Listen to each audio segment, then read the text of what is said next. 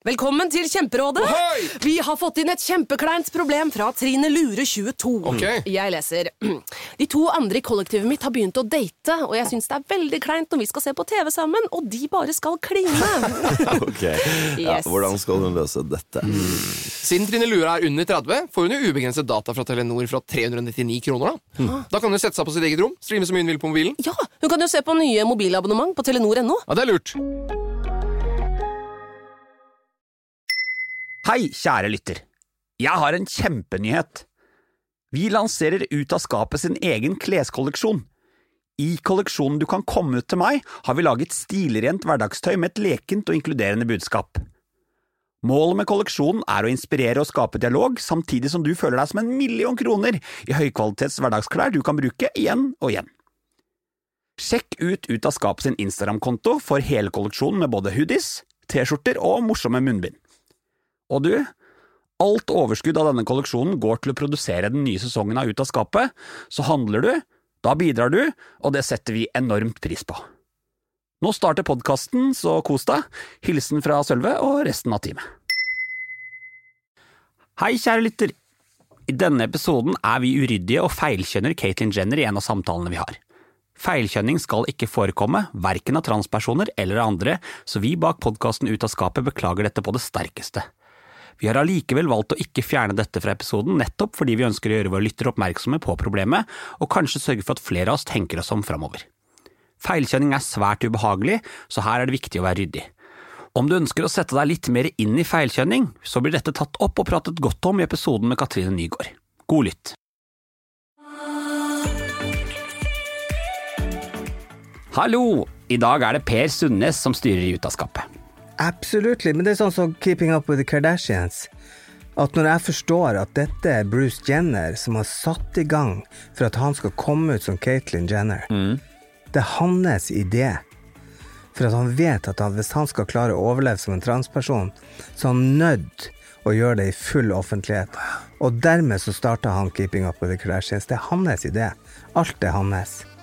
Alt er staged ifra hans side. Per er trend- og popkulturekspert. Han er kjent programleder fra NRK, og han er en frittalende nordlending. I denne episoden snakker vi om alt som Per har lyst til å snakke om, for Per er en legende, og legender styrer showet selv. Her blir det trøkk.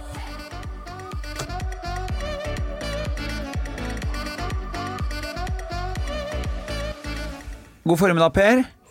God dag. Velkommen i studio. Takk for det. Hvordan går det med deg? Det går helt fint. Jeg syns jo det her er en meget interessant periode i mitt liv.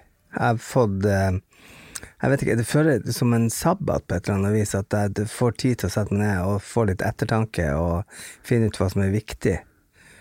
Uh, og jeg har plutselig fått sånn økonomisk styring og, og, og må ringe til mamma hver dag, som jeg ikke gjør normalt sett.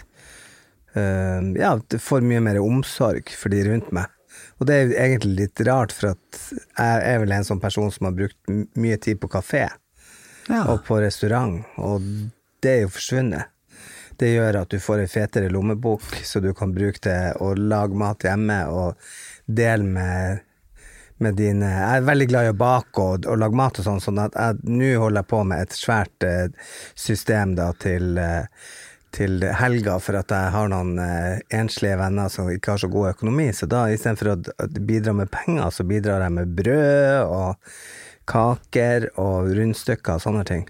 Så nå skal jeg etterpå skal jeg ut og finne sånne fine kurver. Så jeg kan være litt sånn rødhette med kurven og gå og dele.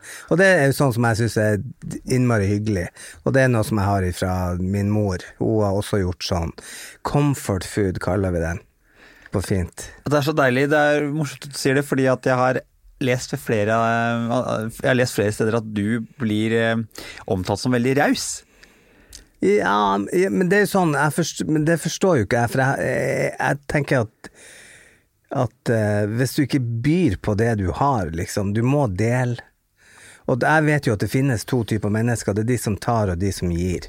Og jeg er jo dessverre av den personen som går hjem uten joggesko for at noen syns de var fine på byen, ikke sant? Eller uh, uten jakke, eller um, For jeg føler ofte at jeg bruker opp ting, sånn at da er det jo like godt å dele det med folk. Jeg har aldri den fineste plata eller den beste boka hjemme, for jeg gir den alltid bort hvis det er noen som har lyst på den. Ja. Eh, og det tenker jeg det er en god egenskap. Og det er jo forgjengelig alt. Dette er jo bare uh, materielle ting. Så hvis det oppfattes som røy, så tenkte jeg ja, det, det er vel greit.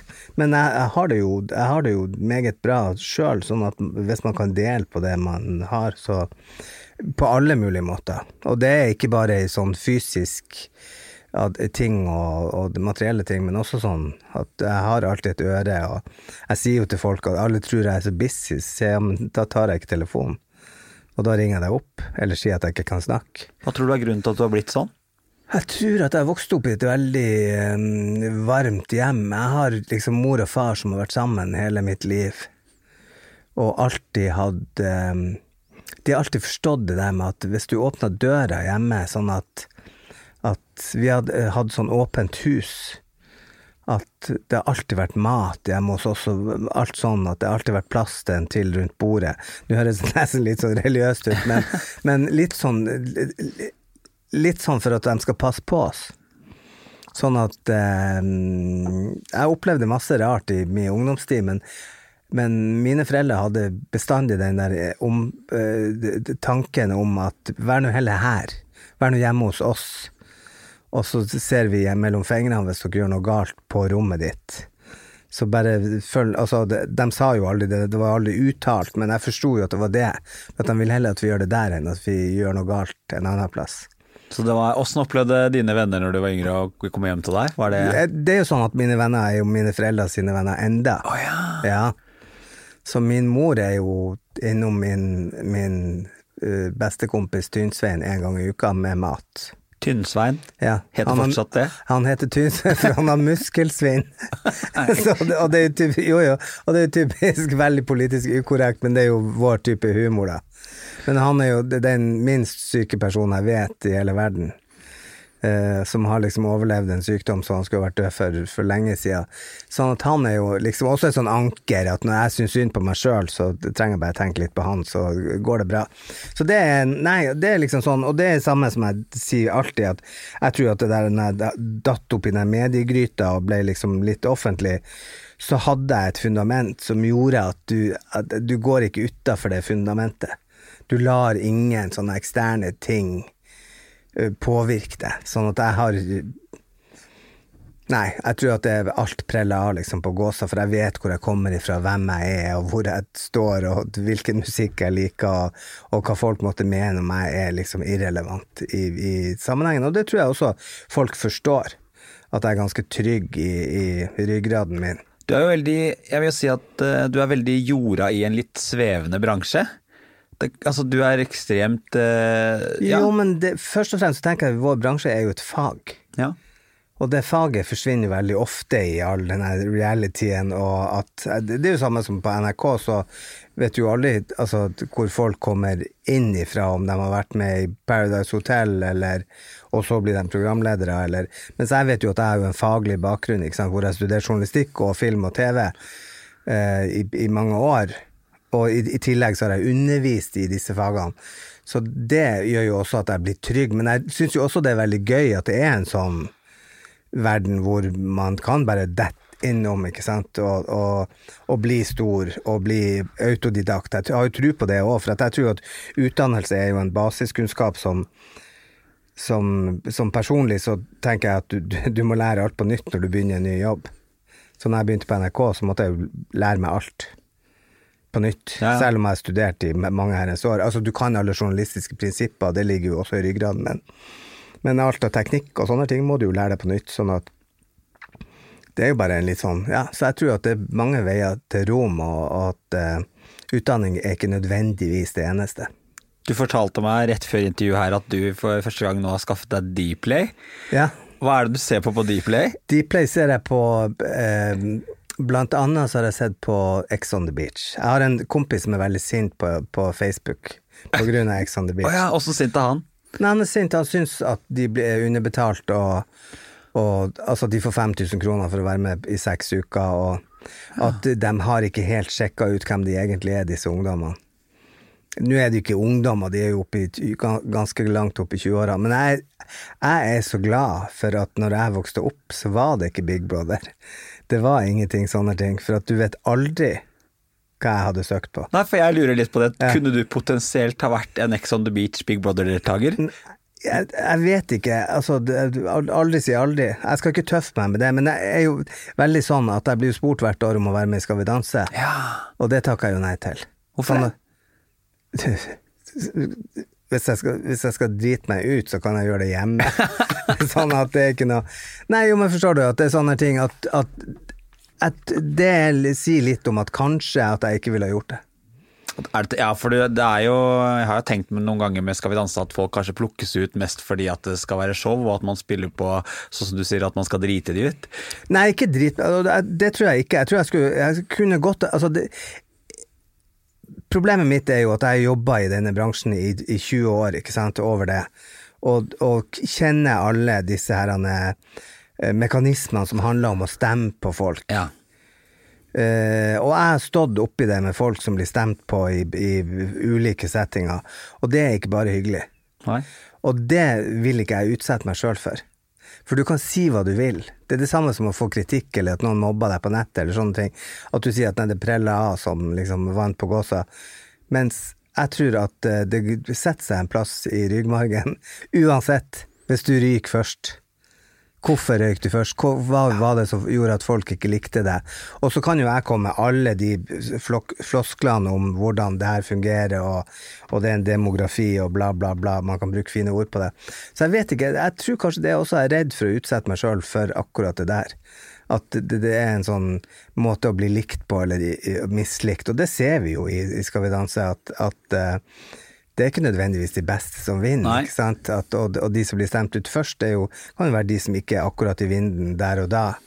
At de, altså Ja, nå sist var det jo et sånn politikerpar som røyk først, som ikke kanskje var de mest populære i Norge akkurat på det tidspunktet, men det var tabloid. Ja.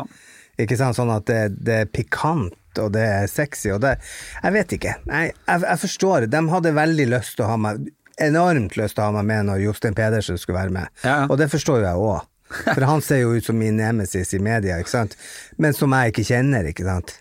Men jeg forstår jo at det har vært gøy, og han er jo to meter og jeg er i 30, ikke sant? sånn at det er jo veldig gøy. Det hadde sett helt sykt ut. Hadde vært en fantastisk kombo, tenker ja, ja. jeg. Men han røyker jo først, så da Ja. Har du alltid vært så opptatt av å bedrives eh, egenpleie, sånn som det? Men så du sier at du velger å avstå fra sånne ting for du vet at det ikke hadde vært så bra for deg. Har det alltid vært viktig for deg å Nei, ta vare altså, på deg sjøl sånn? For det første så er det jo at når du blir, kommer i en viss alder, så, så prioriterer man jo litt sånn eh, fritid. Ja. Og helg for meg er utrolig viktig.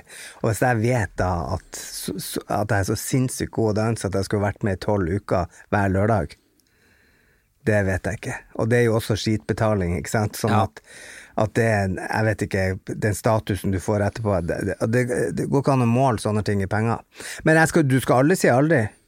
Nei, Det kan godt hende at jeg jeg blir med i Skal vi danse, det skal vi ikke si, men at så langt så har det vært en sånn ting som, som jeg bare tenker på i forhold til alt det med reality. Jeg har vært med i Masterchef eh, på grunn av at jeg jobba i Nent, altså i TV3-systemet, og var liksom pålagt å gjøre det. Og det er noe av det verste jeg har vært med på. For da forstår jeg jo, jeg kjenner jo mekanismene, så jeg ser jo hva de gjør. Og da når, du, når det føles urettferdig, så blir det nesten som en episode i Paradise Hotel. Hvor du ser at noen er slemme med Ja, ja, noen andre. Så, så, så det, vet du at det skjer i kulissene. At de sitter og lager en Det er ikke noe rettferdighet. Det er samme som jeg jobba i Beat for Ja, bit. for det er mye staging Ja, i reality. Du lager TV. Du lager det samme med Grand Prix. Sant? Du lager jo et TV-program, du lager ikke en vinner. Nei. Så hvis alle de andre er dårlige, så blir det jo kjedelig TV. For jeg, jeg opplever det, og jeg har gjennom en god kompis i det siste fått litt mer innblikk i TV-produksjon. Ja. Og jeg har, jo, jeg har jo vært en av de som selv i en alder av 34 tenkte at reality, det er 100% reality. Det bare henger et kamera på veggen, og så filmer de det som skjer. Nei, nei, nei, Men her er det jo skripting og setup Klart, og, også, så- og så er det- ja. og Og så er det det at uh, det som er gøy, er jo sånn å se første sesong av Big Brother, hvor de ikke vet hva de er med på. Ja. Ikke sant? Første sesong av Ex on the Beach, de vet heller ikke hva de er med på. Også de beste sesongene. Ja, altså det er jo, ja, for at det, du vet ikke hva du er med på. Men neste sesong så kommer det jo sånne brautende brødlapper som vet hva, hva som er Hva som må til for å bli stor. Ja, eller, eller ikke. ikke ja, sant? ja. Eller sånn. Sånn at eh, det, det er jo også interessant. Så det, jeg følger jo med, og det er jo også Jeg er en veldig sånn fagperson. Sånn at jeg har fått Dplay, play, jo ikke bare for det. Det er jo også for å følge med. Ja, og så er det mye fint der og annet som ja, du kan se på. Ja, klart, men jeg tenker bare på at han som er så indignert og, og sint på dette Jeg kan ikke diskutere det med han hvis jeg ikke vet hva det er. For du kan, selv om det nødvendigvis ikke er det som ligger hjertet ditt nærmest, så kan du fint se på det og få en god opplevelse av å se reality. Absolutt, men det er sånn som Keeping Up With The Kardashians. At når jeg forstår at dette er Bruce Jenner som har satt i gang for at han skal komme ut som Caitlyn Jenner, det er hans idé. For at han vet at han, hvis han skal klare å overleve som en transperson, så er han nødt å gjøre det i full offentlighet. Og dermed så starta han Keeping Up With The Kardashians. Det er hans idé. Alt er hans. Alt er staged ifra hans side. Som mastermind, da.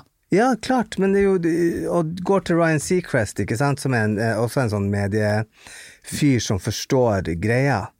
Gjør disse her jentene til store stjerner, men hele planen hans Ryan Seacrest, det er han som er Idol. Dommer Nei, eller programleder. programleder For han er vel et, et, en, ekstremt sterkt navn i, i TV der borte, er han ikke det? Ja, men han er litt sånn Altså, Keeping Up med The Kardashians, du kan jo si hva du vil, at det innbringer masse penger, men det er jo ikke høykultur på noe vis.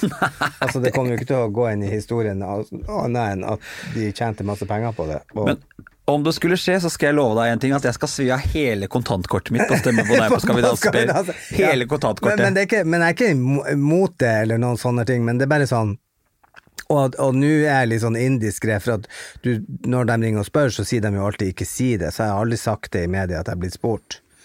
Og når media ringer og spør, så sier jeg 'å nei, gud, ja, det hadde vært kjempeartig'. det, men der er også, jeg er også sånn flink der at jeg sier alltid 'ja, det skal jeg tenke på'. For jeg gidder ikke å være han der sure, så når du Nei. ringer til han, så sier han 'nei, jeg skal ikke'. For At- ja, det er er rause-Per. Ja, eller det er mye artigere. Jeg har også sittet på den sida og kasta og, og jobba med folk som skal i studio, og, og fått nei. Uten at du får lov å en gang gi en argumentasjon. Og jeg sier ofte vel send meg det på en e-post, så skal jeg se på det, og så kan du avslå etterpå. Men, men det er jo masse Altså, jeg hadde jo lyst når jeg jobba i TV3, så spurte jeg oppriktig om jeg kunne få være med i Sydenliv. Ja. Altså dette charterfeber Charterfeber, ja. Ja. Og så fikk du ikke lov? Nei. Nei, Nei, de ville ikke kaste sånn. jeg skal notere det, skal jeg ta en telefon og spille inn. Nei, nei, nei, men nå er det for seint. Det var mens jeg jobba der. Uh, for at det er noe av det Det er sånn guilty pleasure for meg.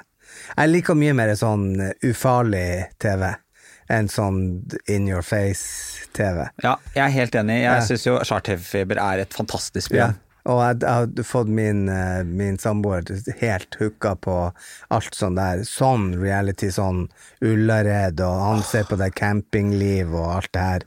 Men det er så relaterbart på så mange områder òg. Jeg, jeg, jeg kjenner at det trigger eh, Man går rundt og har så lyst til å være eh, ofte litt oppe og nikke og være så fin på det og sånn, men jeg kjenner med en gang jeg ser den litt harry-TV, så Mm. kjenner jeg meg veldig igjen i det. Vi har alle vært der, selv om Ullared er litt harry, så har vi alle som god nordmann kjent på den følelsen at vi har lyst til å hamstre. Ja, ja, ja, ja, ja. Jeg er helt Altså, det er sånn eh, Mitt store problem er at vi er sånn finkulturelskere, jeg og min mann. At når vi reiser på Metropolitan og til Bayreuth og ser på opera og sånn, så er det ikke noe handel. Nei. De har ikke noe i, i butikken som jeg har lyst på. For jeg er jo sånn suvenirfyr, ikke sant.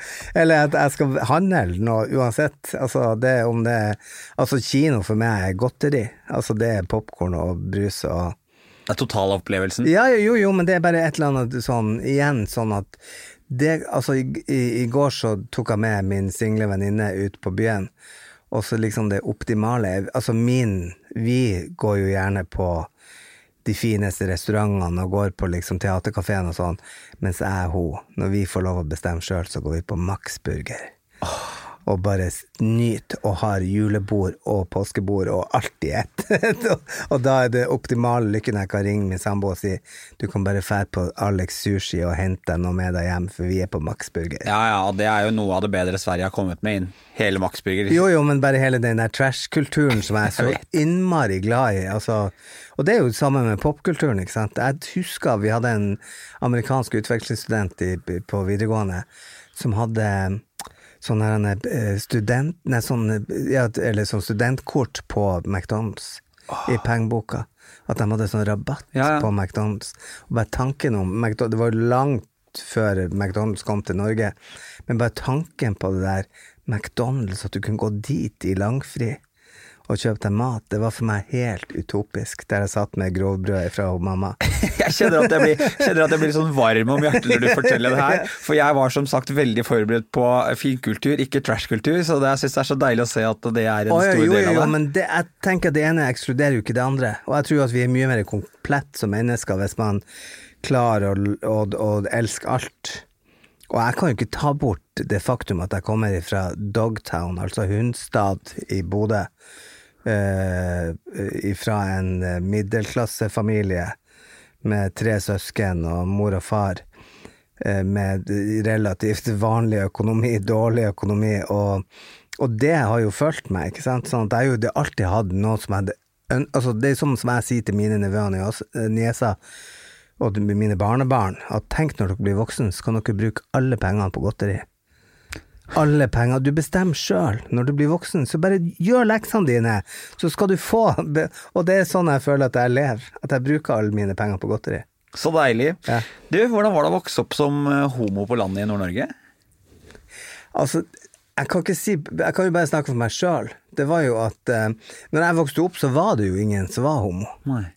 Jo, det var noen få. Det var Kim Friele og sånne ting som eh, mamma og pappa sa æsj til når de kom på, på Dagsrevyen. Det var jo veldig ofte politisert og veldig ofte negativt når det handla om homokampen. Eh, jeg klarte ikke å identifisere meg med det. Jeg klarte ikke å se det som mitt uttrykk på noe vis. Og så var det vel ganske Det, jo, det var voldelige og protester og veldig mye Ja, og så var det veldig sånn svart-hvitt, ikke sant. Det var oss og dem. Og da følte jo jeg at jeg var oss, for jeg klarte jo ikke helt å relatere meg til den ene transisitten i, i, i, i Bodø, eller han som befølte folk i, i påkledningsværelset på, i den motebutikken han hadde, som var de to som jeg visste om som eh, var annerledes. Så det, det klarte ikke jeg helt å relatere Men jeg klarte jo fint å relatere meg til det i kompisgjengen og de rundt meg. Men vi forsto jo ikke hva det var, for det var jo ingenting Det var jo ikke sagt noen plass. Det var jo ikke før jeg begynte å finne sånne aktuelle rapportbøker, at det var sånne homohistorier, at jeg forsto at det eksisterte. Altså porno Ja, sånne bøker med sånne historier i, ikke Ja, ja. sant? Ja. At jeg forsto Altså, vi hadde jo ikke noe sånn gay-porno, det var jo ikke noe internett der, eller noe sånt. Sånn at, eh, at det vi fant av porno, det var jo sånn hverdagsporno, ikke sant? Mens, eh, mens eh, Og da var den vel gjerne hetero... ja, ja, ja, klart. Heteronormativ porno. Men så var det den aktuelle rapportbøkene som var sånne små sånn pocketbøker med sånne historier som folk har sendt inn. husker de, de sto oppe på hylla. Ja, jeg husker ikke hvor de sto, men jeg husker bare at jeg hadde de. Også, også, og, det er så artig, for jeg vet jo at sånne forfattere i senere tid har jo sagt at de, brukte, de overlevde på det. At de skrev sånne pornohistorier. Eh, ja, ikke sant, for det er jo bare erotikk, det er jo ikke noe annet enn Altså, det er jo bare ja, moro i, i en annen form. Eh, så de, da begynte jeg jo å forstå at det der var jo også en verden, ikke sant. Sånn, sånn at jeg forsto at den verden kommer jo ikke jeg til å oppleve i, i Bodø i sånn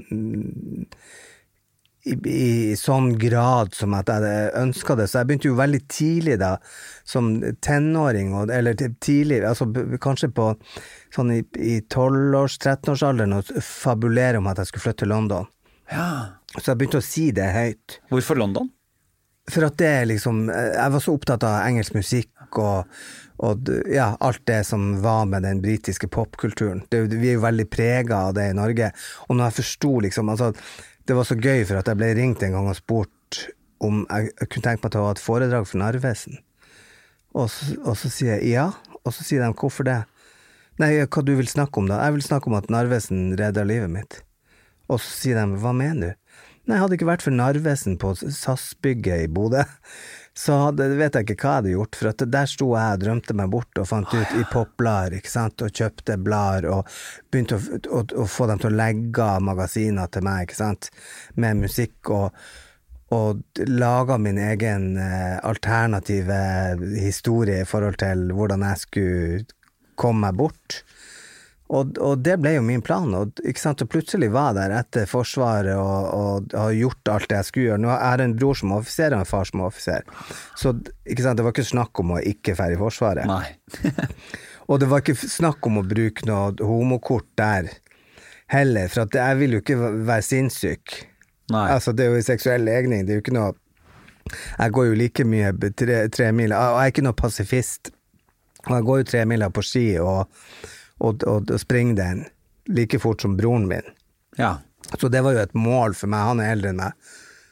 Sånn at jeg skulle bare vise dem at Så jeg dro jo i Forsvaret, og så sendte jeg hjem eh, marsjmedaljene etter hvert og tre mil, og sånn, ok, Men var du åpent homofil når du var i Forsvaret? Nei, det var jeg ikke, men det, for det var jo også litt sånn der, jeg var redd for det der, ikke sant. Sånn at, men det var jo en oase. Fortell. Så, nei, det er jo det. Altså, det er jo bare mange menn på, på samme plass. Um, og at, igjen så er jo det sånn Det som var skummelt med Jeg var på Andøya. Det som var skummelt med, med Forsvaret, var jo at eh, på, Andøya da så hadde det vært et mord av mobbing oh, ja. noen år året før eller to år før, så jeg var jo Jeg trodde at da skulle jeg liksom møte mitt eh, eh, alter ego i, i mobbeverden, holdt på å si. Det var feil, feil uttrykk. Jeg skjønner hva du mener. Ja, men, jo, men jeg trodde at når jeg reiste til Andøya på, i militæret, så skulle jeg liksom Der skulle liksom eh, min legning og den jeg var, innhente meg. At jeg skulle Altså, der Da kom jeg til Var du redd? Ja, eller jeg var nervøs for det, ikke sant. Men ikke sant? Du, du, det hjelper jo ikke når du kommer i en lysegrønn, mintgrønn Poco Loco, joggedress og jælbleika hår. så jeg så jo ut som jeg var med i et dårlig engelsk syntband. Eh, og det var ikke tvil om hvilket lag jeg spiller. Men der igjen, altså, du får jo liksom det du forventa deg. Så jeg begynte jo med en gang. Vi hadde jo nærradio der, og vi hadde en egen radiostasjon som jeg begynte å jobbe i med en gang. Og, ja, og d- klar, ja, supersosialt, du har jo kontakt med de guttene enda. Så det igjen, det er jo bare liksom, du får jo akkurat det du legger i ting. Opplevde du noen form for mobbing eller trakassering? nei. er Selv om, det, selv om det mintergrønne joggedressen avslørte deg litt? Ja, men, men nei, nei, nei, langt ifra. Heller tvert imot. Det er jo litt sånn der, altså, jeg, jeg tror jo at klisjeene er, er hopevis, men der var jo også, ikke sant, når du er i førstegangstjeneste og sånn, så er man jo litt på sånn lik linje, og det var mange som hadde mye med større problemer med å være med der, eller å, å underlegge seg. Jeg syns jo det var litt deilig, det, det der regimet. Ja. Altså, du, du ser nå det er Kompani Lauritzen og sånn, det er jo ingen av dem som har vært i Forsvaret. Men de syns at det er deilig etterpå, ikke sant. Og det er jo akkurat det det handler om, å underordne systemet systemer, men allikevel ikke, ikke kan du ikke, altså ikke bli hjernevaska av det, men at du har dine egne meninger, men, men du klarer å underordne deg et system. Og det gjelder jo alt i verden. Jeg elsker jo at det er klare linjer, alt er forventningsavklart. Ja, men hvem er det som gjør hva? Sånn at ikke alle gjør alt. Og det er også sånn, litt av min suksess med Grand Prix, det var at vi var veldig mange som satt rundt bordet når jeg begynte å jobbe med det. uh, og da blir alt grått, eller beige, for alle har en mening om alt. Så da blir kjolene beige, eller grå, for at noen vil ha rødt, og andre vil ha rosa, og noen vil ha lilla. Sånn at det, det forsto jeg fort at det måtte vi bare finne ut, at hvem skal gjøre hva, og så blir det mye bedre. Da får man til det man skal.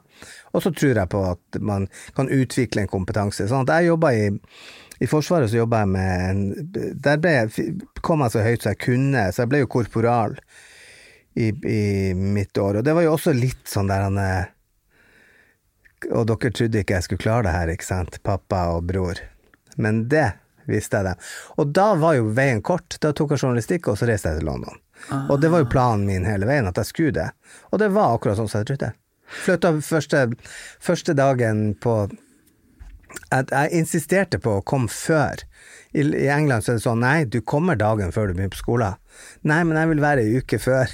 Hva var det du, du reiste for å studere til London Ja, da, ja, ja. og da studerte du journalistikk? Da studerte film og, Film, og TV, og stemmer. journalistikk hadde jeg fra, fra Bodø. Og så reiser jeg til London, og så eh, Første dagen igjen, så er det jo sånn der han er Reis alene fra Bodø. Jeg hadde, nesten ikke vært i Syden. Jo, jeg hadde det. Men, men reise reis alene, ikke sant, med to store Pocolocco-bager. Og, og, og eh, ser ut som jeg med en gammel a-ha-video. Sånn at eh, Og kommer og, og detter ned liksom i den metropolen og på Jeg bodde på sånne halls of residence, altså sånn en eh, boarding house med andre studenter. mest engelske.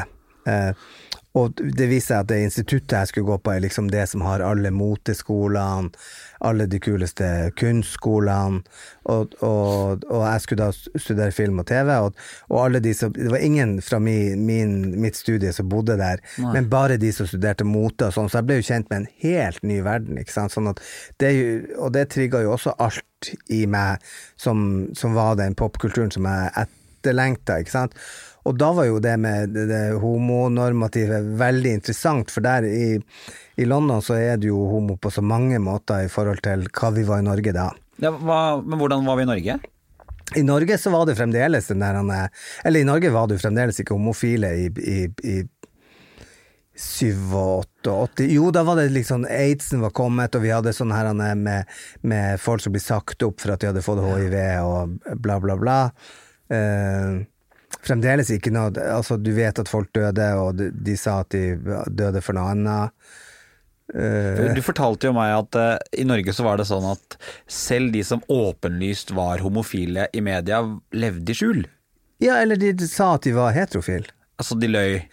Ja, men det er jo alle fra Jan Thomas til eh, The Great Garlic Girls til Var jo Men det, det, det forstår jeg jo. For Ja. normen var jo å ikke være det, da.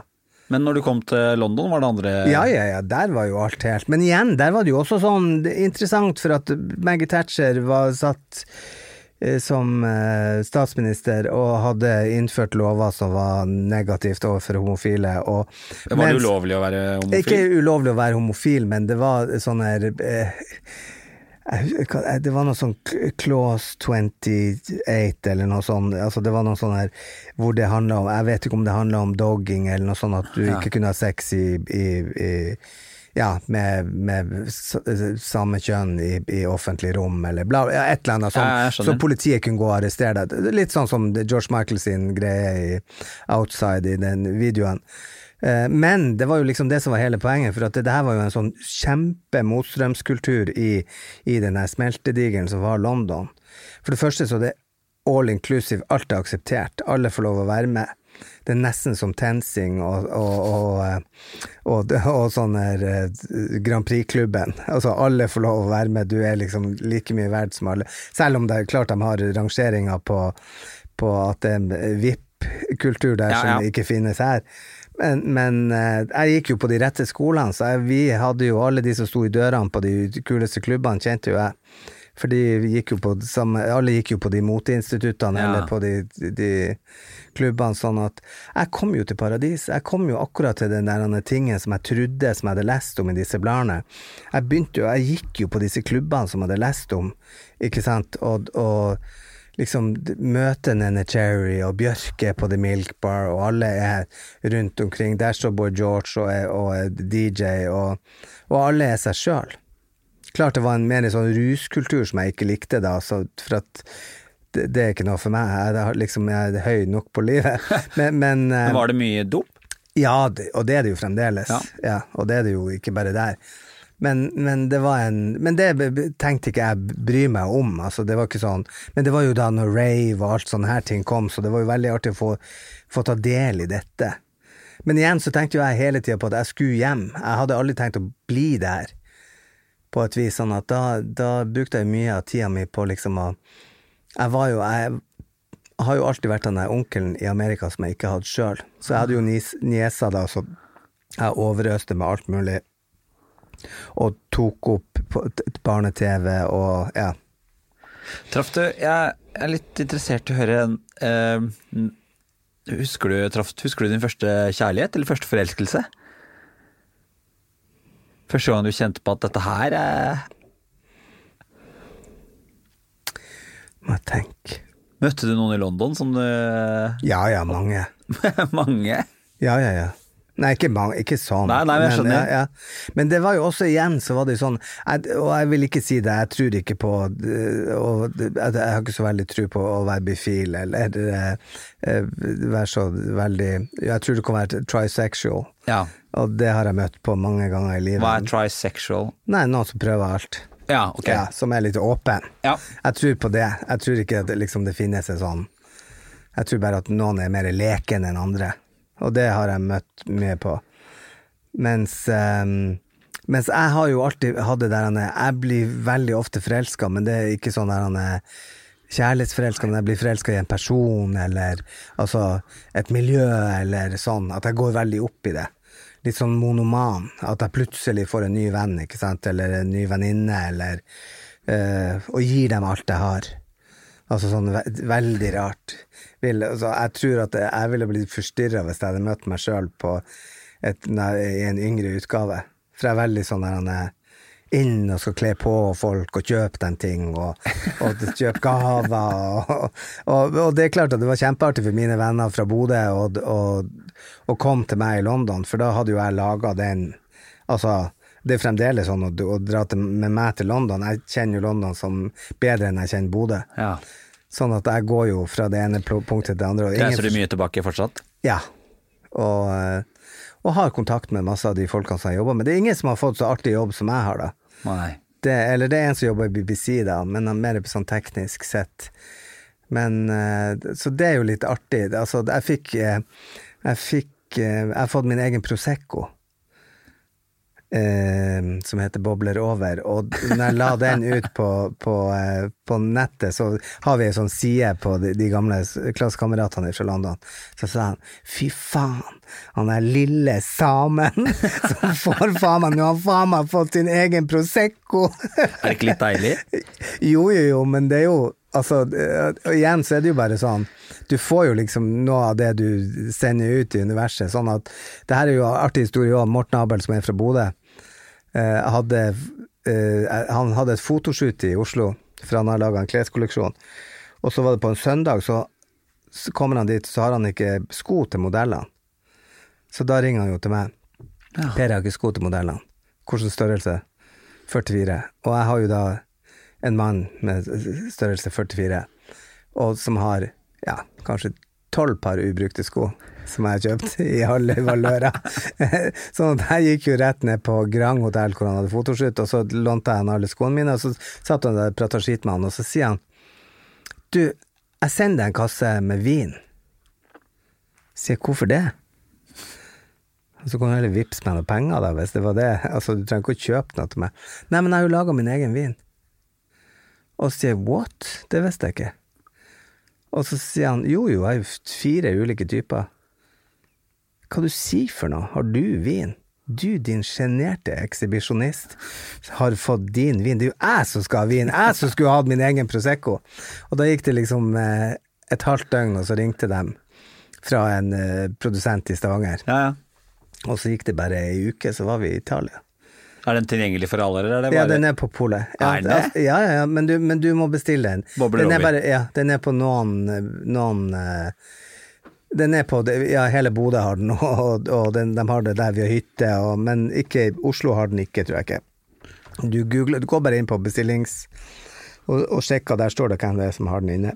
Du, jeg, i researchen av deg så prøvde jeg å finne litt, eh, eh, litt sånn spissa artikler, oppslag, men jeg innser at du er veldig lite opptatt av å provosere.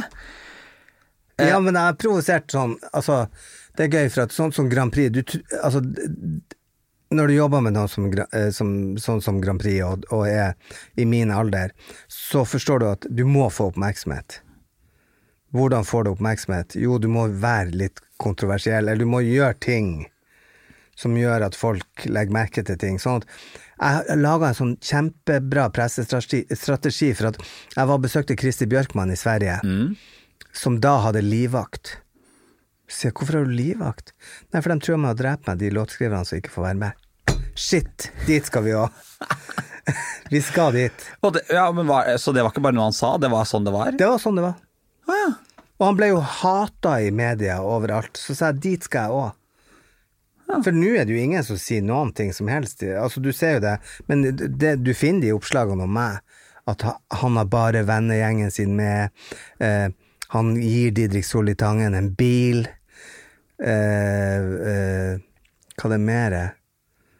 Jo, vi hadde eh, Min mann hadde en eh, kameleon. Han har alltid holdt på med reptiler. Ja, vi, vi, og det har vi fremdeles. Ikke kameleon, da, men nå har vi skjeggagama, for det er lov. Men da var det ikke det lov, ikke sant? Og da anmeldte en som hadde jobba i Grand Prix, fikk TV 2 til å lage en sak på nett om min mann sine kameleoner mens vi hadde Eurovision, for å ødelegge Eurovision på Fornebu. De trodde at jeg skulle ødelegge det. Og VG fulgte opp med ei nå som nå er prosjektleder i, i, i NRK, Ja. som laga en svær, feit sak om at vi er anmeldt av Dyrevernalliansen til for, Og da hadde ikke jeg engang adresse med min mann. Så det, altså sånn, forstår du? Og da hadde jo jeg lyktes.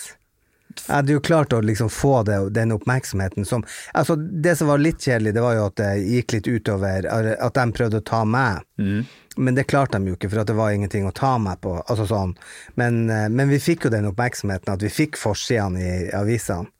Nå får jo man ingen oppmerksomhet lenger. Det har jo ikke bare med, med, med artistene å gjøre, men det handler jo også om at media er litt annerledes skrudd sammen.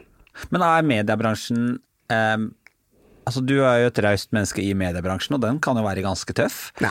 Er den ikke det? Nei, de er så dårlige at det er helt det, Altså, det, det er så mye gøy de kunne ha tatt meg på som de ikke klarer å finne.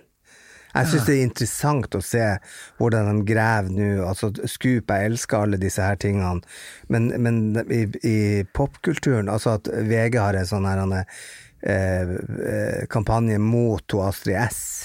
Er jo sånn så, jo, nei, altså, ja, ja, ja. Senest i går så sto det en stor sak om at du kan lage elleve plater av Tore Hansen i Ole Ivars fordi hun bruker ei plate på, og, og du får fire Odd Nordstoga-plater for hennes ene, og tre Maria Mena.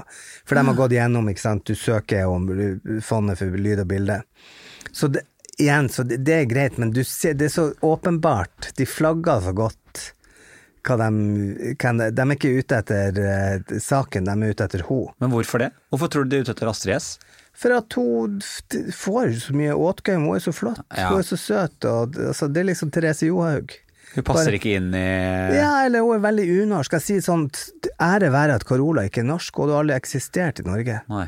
På flere av For at jantelov? vi har jantelov, og vi har altfor mye Du skal ikke ha for stort hår, du skal ikke ha for store bryst. Nei. Du skal ikke presse deg frem. Og det gjelder Altså, hvorfor kaller han Petter eh, Northug seg for janteloven, ikke sant? Han, han har jo følt akkurat på det. Altså, Tror du vi trenger flere sånne? Altså kommersie som tør å ja, by, by på litt? Absolutt. Og de skal jo ho- holde seg innenfor loven, og det forstår jeg òg, ikke sant. Og, med en gang du stikker hodet frem, så du jo, står du jo rede for hugg. Men, men, eh, men dermed så er det ikke noe Det, det, det er gøy, sånn Den ene historien som var helside i VG, var at, at eh, at uh, Didrik Vi satt Altså, når jeg laga Grand Prix Idet vi velger ut en vinner, norske folk velger ut en vinner, så blir den vinneren en del av min familie. Ja. For at det handler nå om å ta vare på folk og forberede dem på hva som skal skje. Og du skal reise til et stort land, og du skal være en av 43, og det trenger ikke å gå bra. Så du må gi dem liksom en sånn ryggrad, og, og det gjelder ikke bare bare den artisten, men alle- rundt den artisten. Hele og f- ja, familien og mor og far, og, og lære dem å være mor og far. Pass på at ikke de skal bli managere òg. Um, sånn at vi satt rundt middagsbordet hjemme hos meg, så ringer sønnen til min mann, og så sier han 'pappa, nå kommer du og henter den bilen'. Og så sier jeg 'hvilken bil'? Nei, ja. Og så forteller han når vi sitter og spiser middag, at jeg har en Oldsmobil som står i en garasje oppe hos min sønn, som ikke går. Og så blir han direkte sånn 'hva da'? Nei, en Oldsmobil. Og så, ja, hvilken modell? Bla, bla, bla. Og så, så sier han ja, men den vil jeg ha. Du får ikke lov å kjøre den på dynga, ikke sant. Og så sier jeg ja, men da skal du betale vrakpant, sånn at det ikke blir noe tull. At ikke du har fått noe bil hos oss. Og så, og så blir vi enige om det, alt i orden. Og så får han lov å skru på den bilen i de ukene før Eurovision. Så uka før Eurovision så har Lørdagsrevyen et svært portrett med han. Og så tenker jeg, han synger opera, eh, han er med i, i Grand Prix, eh, og så skrur han bil. Det er jo artig historie, ikke sant? Alt er historiefortelling.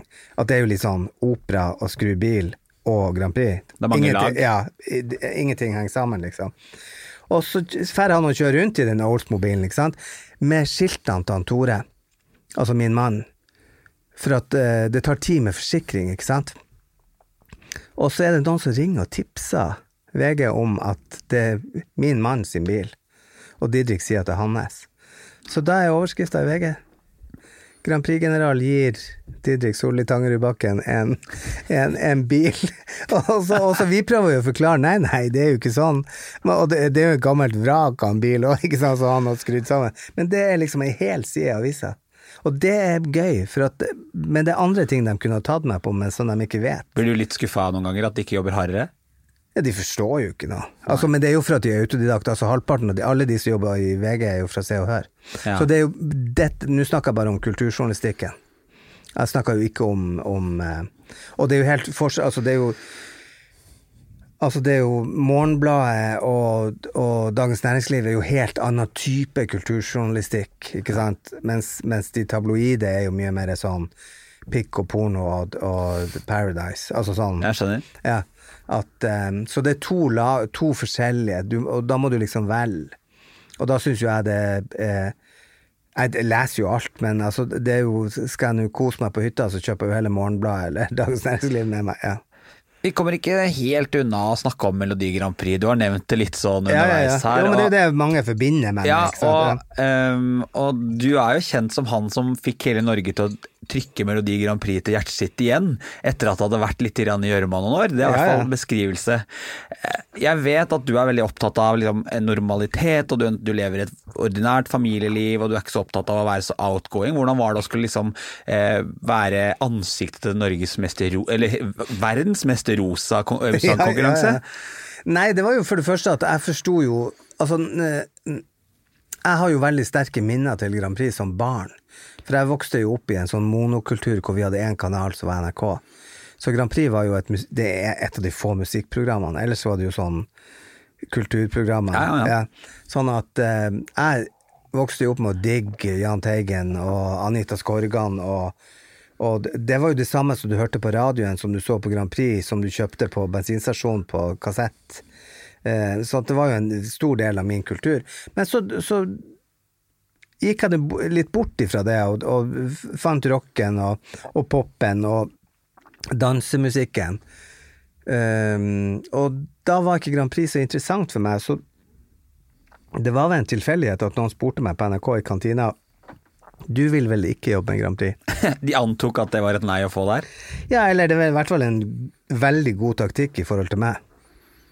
For da sier jo jeg selvfølgelig du får faen ikke lov å bestemme hva, jeg- hva jeg skal gjøre. Sånn at eh, da begynte jeg å jobbe eh, med det. Og da går jo jeg inn med sånn analyseferdigheter som er, er, er litt uvant. Det er veldig mye fans som jobber med dette, som har lyst til å være med, ikke sant, som er veldig Mens jeg er liksom sånn kjemisk fri for Bobbysocks og, Ja. og Ikke nå lenger, for at nå er jeg jo blitt kjent med alle disse. Altså, det, er en, det er en menighet som du aldri kommer deg ut av. Jeg har jo altså Rybak hadde bursdag i går, ikke sant, så jeg har jo lange samtaler med alle de her hele tida, for at du blir jo en del av en familie, og, og det som er gøy med, med Grand Prix-menigheten, er at du kommer deg aldri ut av det. Når du først er inne, så Nei, og du forsto, eh, det forsto ikke jeg. Jeg forsto ikke at, eh, når jeg gikk inn i det. Sånn at eh, jeg gikk jo inn der, og da var det jo Guri Skanke som var med i Helsingfors, og, og jeg skulle være kommentator, og hun kom ikke til finalen. Og jeg fikk jo sjokk, for jeg hadde jo ikke fulgt med. Jeg visste jo ikke om at det var sånn delfinale og sånn der. Da var det bare én delfinale. Og vi kvalifiserte oss ikke. Så jeg sto jo helt i vantro og tenkte hva i faen er det som skjer, vi skal ikke være med. Og jeg har liksom satsa hele livet på, på å skal sitte her og kommentere, og så er ikke Norge med i finalen. Så jeg ble jo sur på, på det norske folk sine vegne òg, ikke sant. Og så ble det jo en sånn shitstorm i media med at det var min feil Ja, selv om jeg ikke hadde noe med, med valget av artist eller noen ting å gjøre. Eh, og, og eh, så jeg bare tenkte hva i faen er det som skjer? Nei, det her skal vi gjøre noe med. Så jeg gikk til min sjef, da, som heter uh, Tordis Oversmark, som er verdens kuleste dame, og så sa jeg du, det her går jo ikke. Vi kan ikke være med i denne konkurransen og ikke komme til finalen. Og så sier hun hva du mener? Du, vi bruker masse tusen, vi drar 20 stykker bort til Helsingfors, og så kommer vi ikke til finalen. Ja, hva du mener? Nei, jeg tar over. Nå går jeg inn. I'm going in. og så ser jeg at hun ser på meg sånn med sånn smale øyne, så tenk, jeg ser at hun tenker du din lille same, homo-same. Hva i faen er det du tror du er? Og istedenfor å si det, så sier hun ok, det er greit. Så sier jeg ja, hvor mange år gir du meg? Gir deg på å skaffe en vinner? Du får tre år. Og vi tok det på to. Så da ble vi nummer fem med Maria Haukås, og så vant vi med Rybak året etterpå. Og det var helt sånn veldig hands on. Og det handla ikke om å være homo og være Grand Prix-fan, men det handla om å være analytisk. Hva var populært når Maria Haukås var med? Jo, Amy Winehouse og Duffy. Så vi laga en sånn hvit, skitten soul-låt. Ikke sant? Fikk Simen Erik, Eriksrud, som nå er Seb, eller Sib, Ja, ja, ja. til å produsere. Og du forsto helt premisset. ikke sant? Jeg ga masse referanser på hvordan det skulle være ikke sant? i studio. Eh, sånn perkusjon, sånn, ikke sant. Og det skal være sånn blås, og det skal være sånn tromme. Og eh, lot eh, folk få lov å gjøre det de ville, ikke sant. Mens jeg sprang rundt i Beograd og lurte på hvor har du kjøpt kjolen din ikke sant, til hun fra Ukraina? Nei, det er Roberto Cavalli. ikke sant? Og da hjelper det jo ikke når Maria har to kjoler til 250 kroner fra Vivikes. ikke sant? Og, og Ukraina kommer med et svær sånn kasse med lys inni. Så ja, Hvor dere har laga den? Nei, den har konstruert i Ukraina. Ja, hva det kosta? Nei, en halv million. Ja, og, og så har vi Vi har ikke råd til de, Alle må ha på seg svarte bukser, vi har ikke råd til noen ting sjøl. Men en god idé jeg trenger ikke å koste så mye, men det var bare så interessant, og, og det er liksom journalisten i meg. Hvorfor gjør dere sånn? Hvorfor er det? Hvem er de danserne deres? Eh, eh, og hva, hva er det, hvilken type dans er det? Hvorfor går de Hvorfor går hun Ani Lorak opp på danserne sine? Nei, det er Bob Fossi. Ja, hva er Bob Fossi? Nei, gå nå og se på nett, så finn ut hva Bob Fossi er. Så jeg er jo på skole hele tida. Den dagen du slutter på skole, så kan du bare gi opp. Så da gikk jeg på skole, så kom jeg hjem, og så, så hadde jeg funnet ut at alle de danserne som var best eh, alle de dans Vi hadde holdt på da med sånn homo-jazzballett. Ikke sant? I, i, I Grand Prix. Ja. Med, med liksom Og veldig ofte Homojazzballett. ja, Jo, jo. Ja. Med homofile menn som danser bak damer, og de har mer lyst til å ha sex med hverandre enn å ha med damer, ikke sant? Ja. Og så kommer plutselig Ukraina med sånne streetdansere som, som er så sexy at uh, danseren går oppå dem. Ikke sant? At danserne Nei, hun, Annie Lorak, går opp på danserne, ikke sant? Eh, og de har svære sko, og de er tøffe, og de er maskuline, og, eh, og, og litt sånn heteronormativ i forhold til hele Europa. At det er et spill, ikke sant? Det er eh, Romeo og Julie. At jenta vil ha gutten. Ja, ja, ja. Og hvis du ikke skal ha det sånn, så må du gjøre det veldig tydelig, som Conchita Wurst, eller Ikke sant? Conchita er da denne med skjegg? skjegg, ja. Skjegg, ja. Ja. Dama, mann med skjegg. Ja. Nei, dama med skjegg. Dama med skjegg, ja. Og så eh, Nei, så jeg kommer hjem og så sitter jeg og ser på Dorske talenter, og der er frikar som danser break og halling. Og jeg bare sånn, hallo. Så jeg ringer jo dem, ikke sant, får dem inn. Så finner jeg Rybak. Vi skal til Moskva. Han er hviterusser, han snakker russisk. Han hadde spilla fiolin på en, en låt året før. Sånn at jeg, ja Lang historie kort, men det blir i hvert fall sånn det blir, at jeg får Fairytale juni året før. Ja. Går til sjefen min som sa at jeg hadde to år på meg. Så jeg nå skal du bare booke Fornebu Arena, for her er vinneren neste år. Men- og alle tror jo på det når du kommer sånn, og ikke minst Rybak trodde på det. Fordi hele konstellasjonen med Rybak var jo en veldig spesiell konstellasjon. altså Med frikar og fele og det- og det var jo det var så Det er jo noe av det jeg syns er deilig med Grand Prix, er jo man får liksom så mye inn i pakka. Jo, men det, det jeg forsto da, Mm. altså min analyse var, vi måtte ha sånn type dans. Maria Haukås hadde ingen dans. Nei. Jeg mener at vi fremdeles hadde den beste låten det året. Det er mange som mener det. Ja, men hun, hun, vi hadde ikke noe show, ikke sant? Og det var jo også for at jeg ikke kunne det, ikke sant? Da fikk jeg med, når vi gikk fra den norske finalen, hvor hun gikk bare rundt på scenen og, og vagga, så kom det en som heter Mathias Karlsson inn og hjalp oss fra Sverige, som er en sånn fanga av en stormvindfyr. Og så lager han det der true, true, true, ikke sant, så skal han trykke på heisen i niende og sjuende og femte etasje. Og så spør han, og så spør han, hvorfor gjør du det? Og så sier han, så sier han til meg, hvor mange tror du som har en blå kjole? Så sier jeg, nei, jeg vet ikke, kanskje seks? Ja, du må ha en signatur. Ah, er det det du snakker om? Ja, signaturen. Du må ha noe sånn at sjuåringen hjemme sier, jeg vil stemme på den der, true, true, true. Og så må de bli, være kledd sånn at man kan kle seg ut som dem. Eh, ok. Så da gikk jo jeg til sjefen igjen og sa at han skal være med meg resten av livet, og vi skal gå fot. Og det gjør vi fremdeles, at vi er gode venner. Han jobber fremdeles med Melodi Grand Prix, men vi var sånn winning team. Sånn at når jeg kom med Frikar og kom med Rybak, så hadde jeg jo bare ett problem. Det var jo for at jeg hadde sittet og tøffa meg med den jazzballetten, som jeg sa til deg òg. Jeg kan jo si det for at jeg er homo sjøl, mens du kan, ingen andre kunne ha sagt det, ikke sant? Og så, og så sier jeg Men vi har jo et problem, for her er det jo Rybak som står i midten, og Frikar danser rundt han. Hvor er jentene? Q, Karianne eh, og, og, og, og, og, og Jorunn som kommer inn fra venstre, og det er de som skal ligge med han til slutt. Så da løste vi det òg, sånn at eh, det heteronormative fikk det de ville ha. Så det var storytelling på sitt aller beste. Ja, det, altså det var hele poenget var jo at det var det det skulle være. Det skulle være en, en, et eventyr. Han synger jo med ei jente, ikke sant. Og han får ikke ei, han får to. Men altså, det er jo Det går an å si at det er ingenting som er så homo som Melodi Grand Prix på mange måter. Ja, men det er jo Du kan ikke si at en million nordmenn er homo. Nei. Det, er jo en utopi. Det er jo så deilig hvis det hadde vært sånn. Det var 1,6 millioner som så at han vant. Da er det jo ikke noe, men det er jo, det er jo en Altså, La det svinge er jo en, en eh, en, eh, en eh, altså nasjonalsang på et eller annet vis. Det er jo noe, et eller annet med de her eh, opplevelsene vi det Felles hukommelse. Synger den oftere nasjonalsangen? Ja, jo, jo, men, men, men eh, Sånn at, klart at det, Men det er litt sånn fotballsupportere og TenSing som jeg sier, at Grand Prix-klubben er jo litt det samme. De er med i motgang og medvind, og det, der er det ofte mye homofile.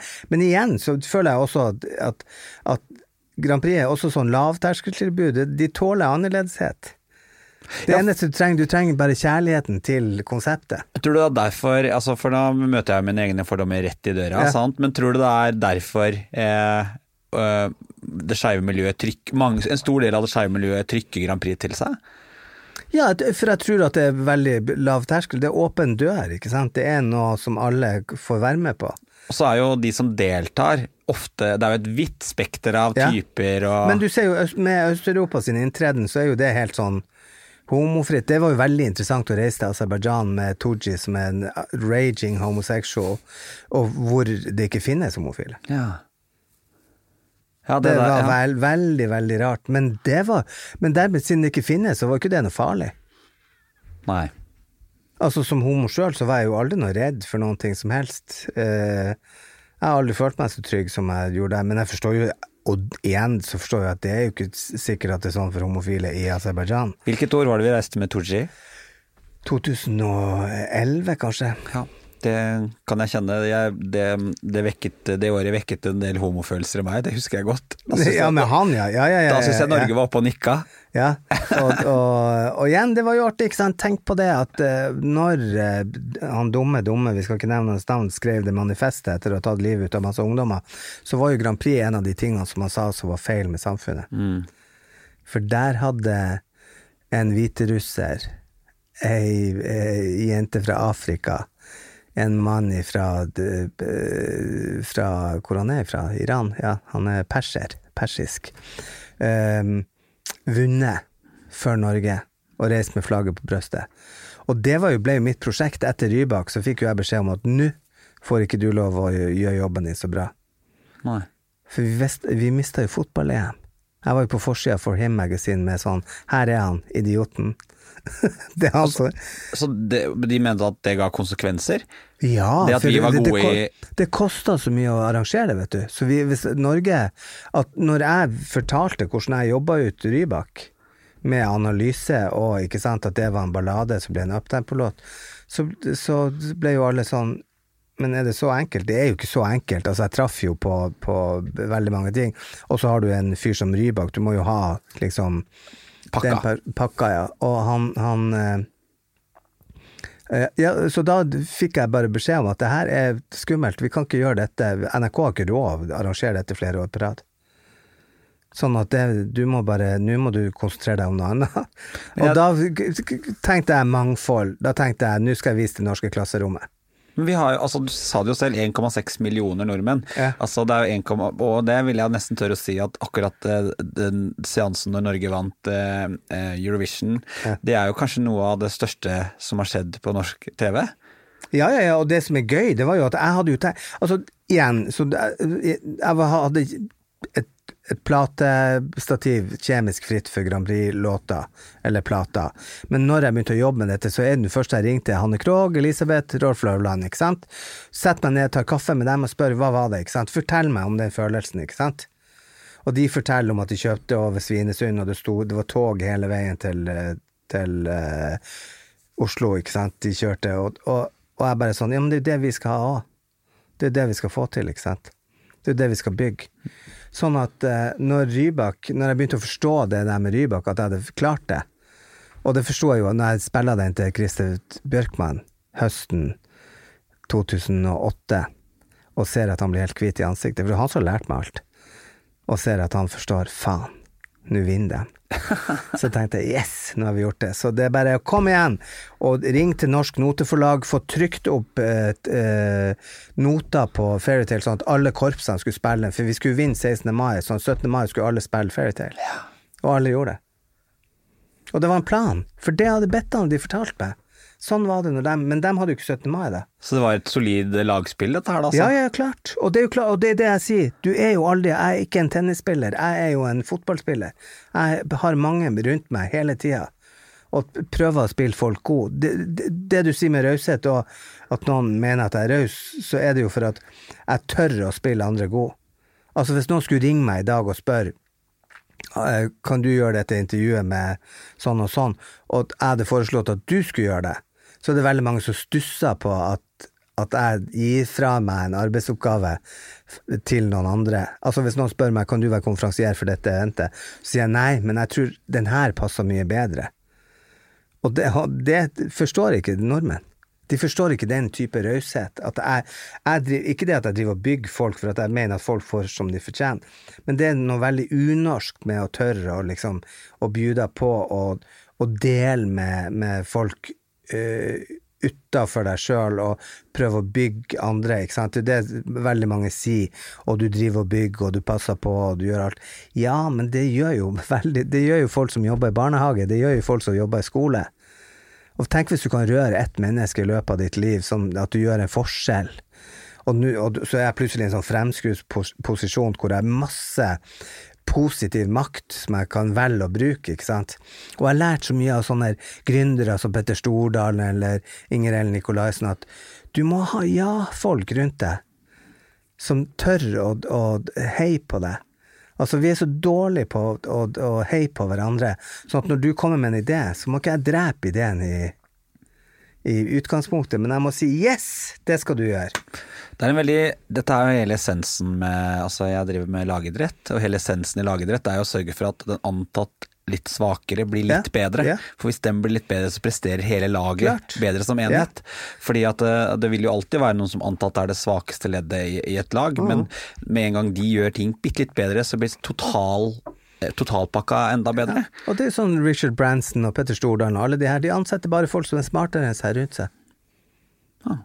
Og for de tør å si at de ikke er best i klassen. De tør liksom å, å se det. Og det, er også, det tror jeg òg, at hvis du lar folk spisse kompetansen sin, så blir de bra. Men ikke sett alle og være motepoliti hele tida, for da blir livet grått. Det blir, ja, det blir beige og kjedelig. Tror du vi nordmenn er litt for opptatt av å tenke jeg Meg, hva kan Nei, jeg få ut av det her? Vi er litt opptatt av det demokratiske, at alle skal få lov å være med å bestemme. Ja. Og det er derfor du også lever i en sånn illusjon om at reality er sånn og sånn og sånn. Det er ikke noen demokratiske pros- prosesser. Hvis du, forst- hvis du er en god TV-produsent, så lager du TV til folket. Ikke sant? Det er sånn som folk sier til meg 'Å, få billetter til Melodi Grand Prix'. Sier nei, se det på TV. Vi er jo faen meg 100 stykker som jobber med det for at dere skal få en bra TV-opplevelse. Og det som mamma sa, vi hadde Grand Prix i Bodø, så sa jeg 'kom nå du og pappa i kveld og se', ikke sant. Hva i faen, hvorfor har vi en sånn 20-tommers flatscreen, og så skal vi sitte her og fryse i en stor hall? Nei, vet du hva. Og det er helt rett, hun har helt rett. Og det er sånn jeg ofte tenker at uh, vi kompliserer ting, og, og, så, og så ja, tror vi at, uh, at verden er, er litt mer vanskelig enn den er. Og så jeg, jeg tror bare at man skal ned med skuldrene og puste litt bedre og ja, ha litt eh, medtanke. Og spesielt i disse tider så tror jeg at omtanke er alt. Det er alt for meg. Tenk hvor mange som er enslige nå. Jeg skulle ønske jeg visste om noen ikke sant, som man kunne gjøre noe med. Jeg klarer ikke helt å få, få til det der med å Jeg bor jo midt i sentrum her i Oslo, men å få til det der med skal jeg gå og handle for noen, eller skal jeg Altså sånne Jeg ting. Ja. Men jeg gjør det jo med de rundt meg som jeg vet er alene, og, og sørga for at de har mat og, og, og sånne ting. Uh, så det, er, og det kan alle gjøre. Det er ikke noe som jeg er noe spesielt under. Jeg er god på å sende brev.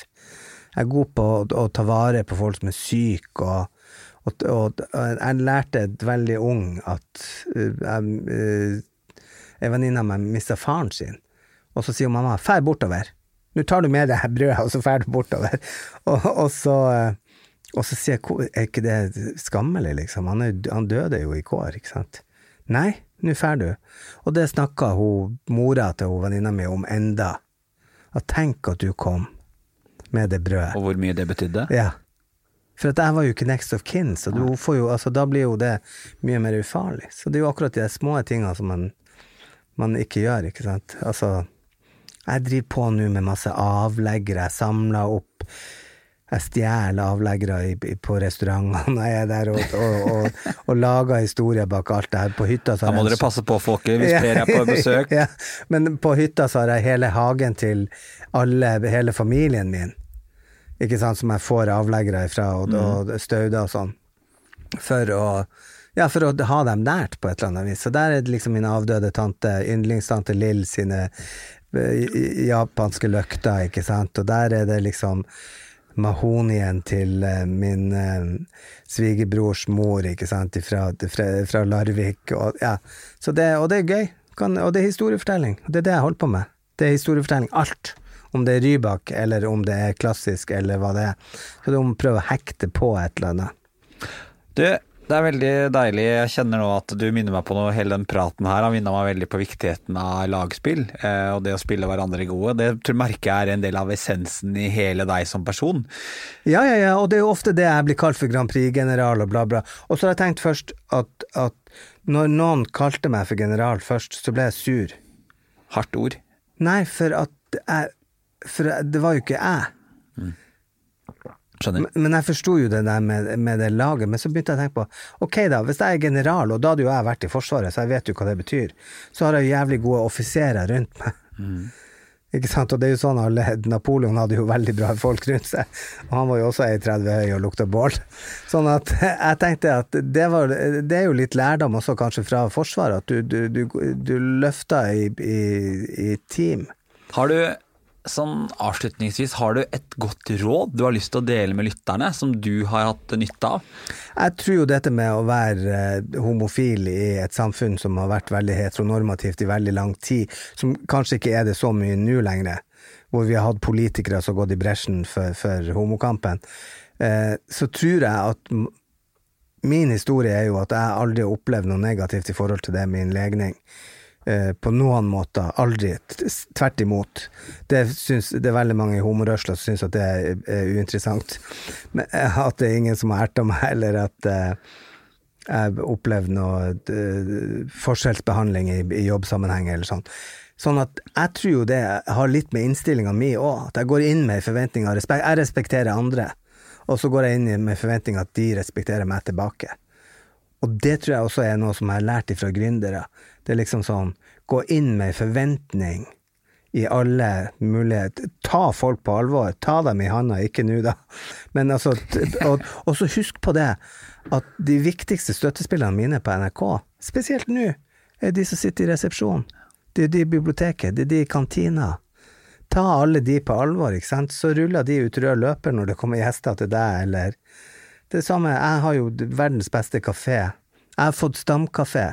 I går så gikk jeg innom der bare etter jobb, og så har kokken begynt å lage meg pommes frites. De har ikke det. Han laga stekte poteter til meg. Og da kom han, når jeg skulle gå hjem, så kom han med en, eh, en sånn eh, Hva det heter doggybag med pommes frites og aioli, så jeg skulle ta med meg hjem. Og da tenker jeg yes! Nå føler jeg som jeg er med i EastEnders, den engelske dramaserien. At jeg har liksom fått min egen pub, hvor de kjenner meg. ikke sant? Cheers! Altså, og det, noe, det, det savner jeg litt storbylivet. ikke sant? Vi, jeg vokste opp med åpen dør hjemme hos mine foreldre, og jeg savner litt det at folk kan bare komme og ringe på hos meg. Og bare komme på besøk, u, u, u, uanmeldt og ubedt.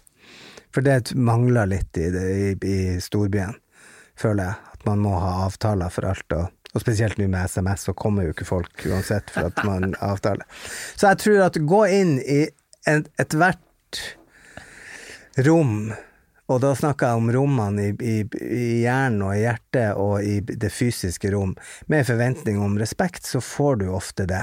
Men så skal, nå skal det sies at jeg kan ikke sitte her og snakke på vegne av andre, og jeg vet at folk har det fælt. Og jeg, på grunn av at jeg er en åpen person og har en veldig synlig mail, e-post, så folk kan få tak i meg, og har åpne Facebook og alt sånt her, så vet jeg jo at folk har det fælt, og folk sliter rundt omkring, og de, de kom, forteller meg jo det, og det tenker jeg jo at det er jo også en styrke at man kan komme da med en positiv historie. Og så tror jeg også at man kan velge sin familie sjøl. Jeg er veldig glad i RuPaul's Drag Race, og det sier jo han hele tida, ikke sant, at eh, spesielt de, de homofile som ikke har det bra i sine egne familier, da lager du din egen familie. Og det føler jeg også jeg har gjort. Ja, det er så fantastisk. Du er så, du er så god, Per. Eh, Det er så deilig å sitte og prate med deg. Eh, Jeg vil bare si eh, tusen takk for at du hadde lyst til å være en del av podkasten Ut av skapet. Beklager at du pakka på 50 øre og får 500 000. Det er de beste investerte 500 000 jeg kunne få. Takk for at du hører på podkasten Ut av skapet. Det betyr mye for mange. Informasjon om dagens gjest finner du i episodebeskrivelsen. Sjekk alltid ut fine folk på sosiale medier. Denne podkasten er helt avhengig av deg, så er du glad i Ut av skapet, del om du lytter, og rate oss gjerne der du kan rate podkast. Jeg gleder meg skikkelig til nye skeive historier neste uke. Vi høres. 20 nye sparetips hos Kiwi. Mitt sparetips er nyheten fra First Price. Store tortillalefser. Garantert billigst i Kiwi. Nå får du First Price store tortillalefser til 29,90, First Price kjøttdeig av svin uten salt og vann til 29,90 og mange andre First Price-nyheter hos Kiwi.